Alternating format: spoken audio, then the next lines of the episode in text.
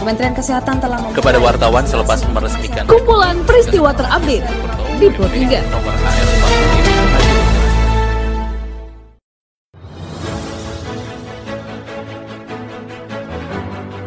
Halo pendengar, saat ini Anda sedang mendengarkan kumpulan peristiwa Pro 3.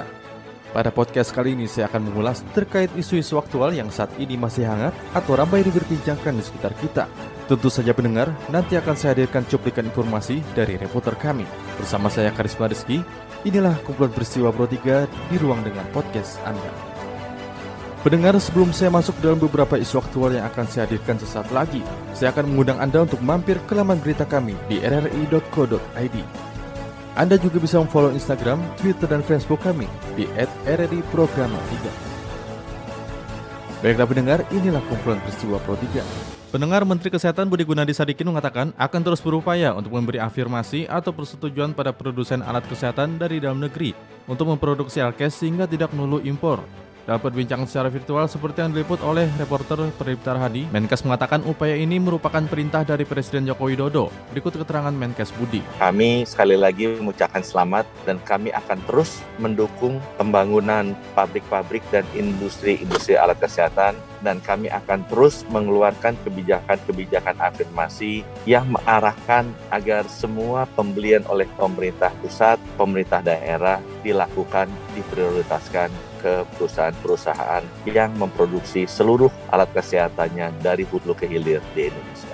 Komisioner Komisi Perlindungan Anak Indonesia atau KPI Retno Listiarti mewanti-wanti akan kemunculan penyebaran COVID-19 klaster sekolah akibat pembelajaran tatap muka karena capaian vaksinasi di kalangan anak usia 12 hingga 17 tahun masih rendah. Berikut penjelasan lengkap Retno Listiarti seperti yang diliput oleh Rini Hairani berikut ini. Kalau awalnya hanya 16,5 persen, kali ini sudah menyentuh angka 79,54 ketika di rata-rata. Jadi memang secara kesiapan infrastruktur, protokol kesehatan yang dibuat itu memang terjadi uh, penyiapan uh, mencapai 79,54 persen.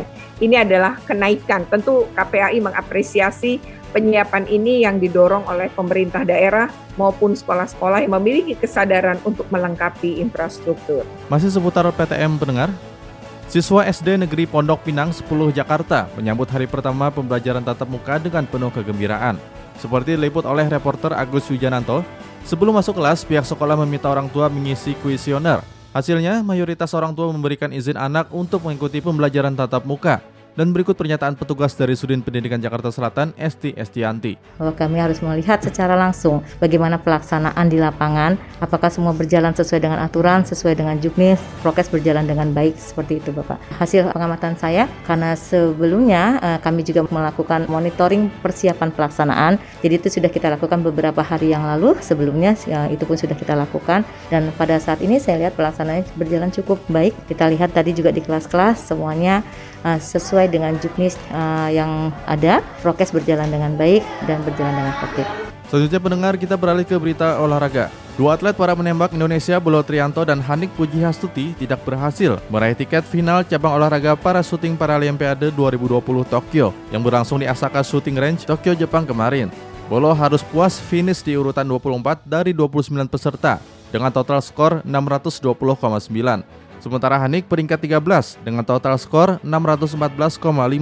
Seperti diliput oleh reporter Nir Abdul, Menteri Pemuda dan Olahraga Zainuddin Amali mengatakan persaingan cabur menembak sangat ketat. Kendati demikian, Menpora menilai penampilan atlet sudah maksimal. Sekali lagi selamat ya pada para atlet, khususnya kepada Iti dan uh, pelatih. Mudah-mudahan akan uh, tambah lagi karena ini kita lebih baik dari uh, Rio ya, Rio de Janeiro ya Rio Janeiro kita hanya peroleh satu perunggu ya. Sekarang sudah ada satu perak satu perunggu dan sedang menanti para badminton ya. Betul. Jadi kita sedang uh, menanti. Mohon doa dari uh, seluruh masyarakat Indonesia dan kita beri dukungan. Anda mendengar, informasi tadi sekaligus mengakhiri perjumpaan kita pada podcast edisi hari ini. Anda juga bisa mendengarkan podcast edisi hari ini di Spotify dengan hanya mengetik Pro 3 RRI di kolom pencarian Anda. Dan pendengar tetaplah menjaga jarak dan ikuti selalu protokol kesehatan. Saya Karisma Rizky, sampai jumpa. Kementerian Kesehatan telah kepada wartawan selepas meresmikan kumpulan peristiwa terupdate di Pro 3.